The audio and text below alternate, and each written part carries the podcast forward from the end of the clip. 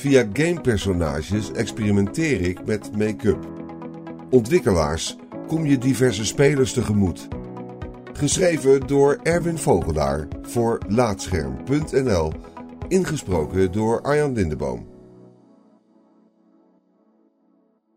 Vrienden met wie ik game weten dat het soms een eeuwigheid duurt totdat ik in een gamewereld stap. Ik blijf veel te lang met de schakelaartjes van de character creator spelen, totdat ik tevreden ben met mijn nieuwe avatar. Als ik een hele game met hetzelfde personage moet spelen, moet hij natuurlijk wel perfect zijn. Deze character creators worden steeds uitgebreider en daarom ben ik alleen maar langer bezig. Het beste recente voorbeeld is Monster Hunter World.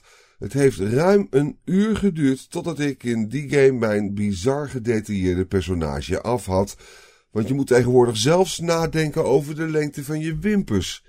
Het nut van al dit werk is twijfelachtig. In de game lijkt je personage namelijk op een AliExpress versie van de persoon die je net zo voorzichtig hebt geboetseerd. Jarenlang maakte ik via zulke character creators versies van mezelf, maar dan fitter en knapper. Als ik zelf een baard had, dan had mijn personage dat ook. Als ik een bepaalde haarstijl had, dan had mijn personage dat ook. Het was mijn manier om in de gamewereld te stappen. Ik wilde geen rol spelen, maar mezelf zijn, een betere versie van mezelf. Inmiddels ga ik graag een stap verder. Mijn personages zijn een manier geworden om te experimenteren en mezelf te uiten zoals ik dat in het echt niet snel doe.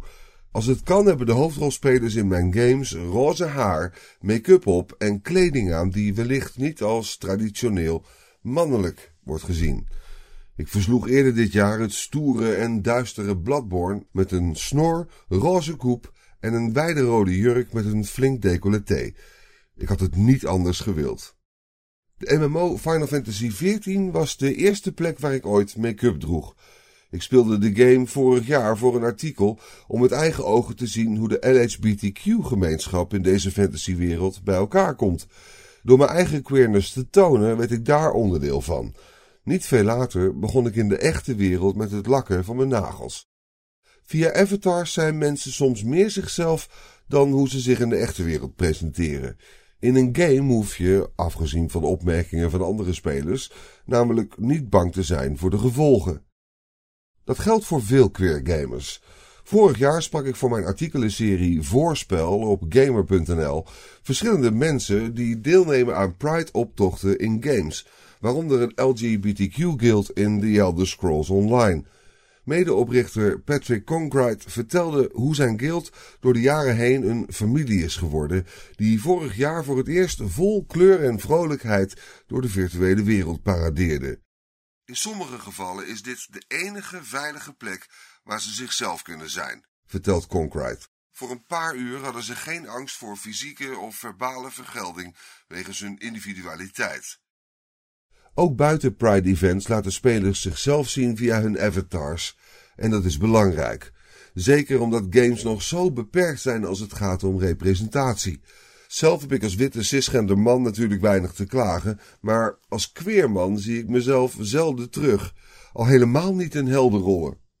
Videogames hebben weinig prominente queer personages, dus daarom kiezen ik en anderen ervoor om zelf wat prominenter aanwezig te zijn.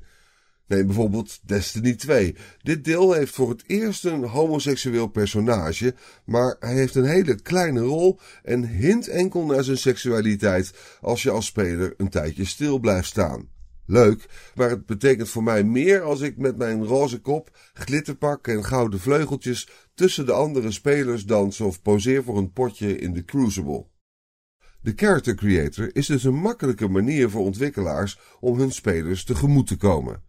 Een tip: verwijder de beperkende genderscheiding en geef iedereen toegang tot dezelfde lichaamstype, haarstijlen, gezichtsbeharing, kleding, wenkbrauwen enzovoort. In een ideale character creator is het onderscheid tussen man en vrouw zelfs verdwenen en kiest de speler een lichaam en voornaamwoorden. Vanuit daar kun je dan weer een uur aan de schakelaartjes friemelen. Voor mij is het zoiets kleins als make-up, haarkleur en kleding, maar een goede character creator geeft spelers alle mogelijkheid om henzelf terug te zien als de held in de verhalen die ze spelen, ongeacht genderidentiteit, seksualiteit en huidskleur. De game-industrie heeft nog een lange weg te gaan als het gaat om juiste representatie. Frustrerend genoeg lijkt deze ontwikkeling net zo traag te gaan als in de filmindustrie. Maar het medium games heeft de unieke eigenschap dat je jezelf in verhalen kunt plaatsen. Dus als gamemakers geen queerness toevoegen, dan doen wij het wel.